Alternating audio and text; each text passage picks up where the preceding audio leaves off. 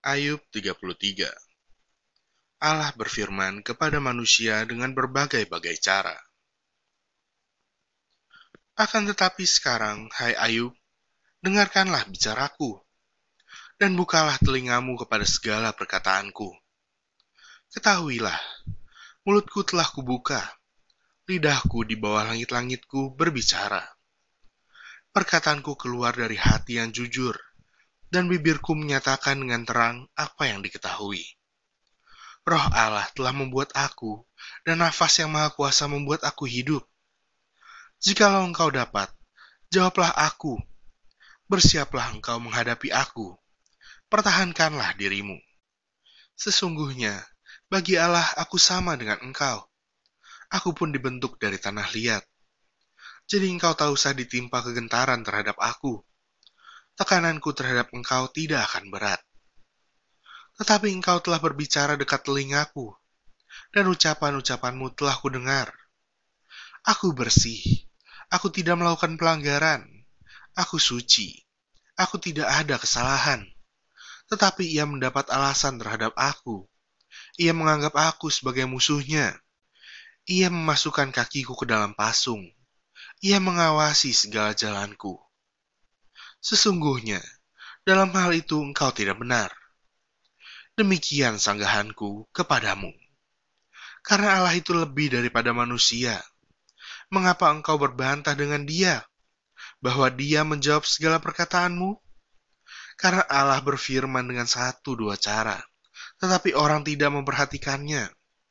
Dalam mimpi, dalam penglihatan waktu malam, bila orang nyenyak tidur, bila berbaring di atas tempat tidur.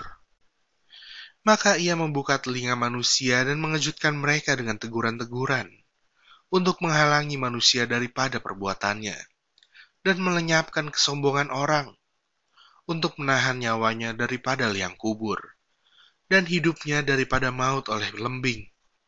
Dengan penderitaan ia ditegur di tempat tidurnya dan berkobar terus-menerus bentrokan dalam tulang-tulangnya perutnya bosan makanan, hilang nafsunya untuk makanan yang lezat-lezat.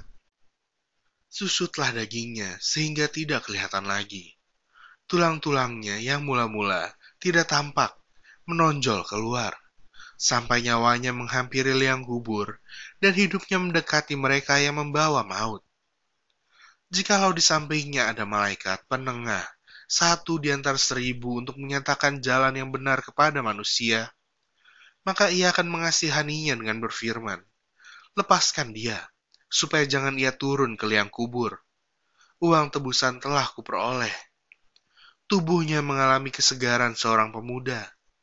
Ia seperti pada masa mudanya. Ia berdoa kepada Allah dan Allah berkenan menerimanya.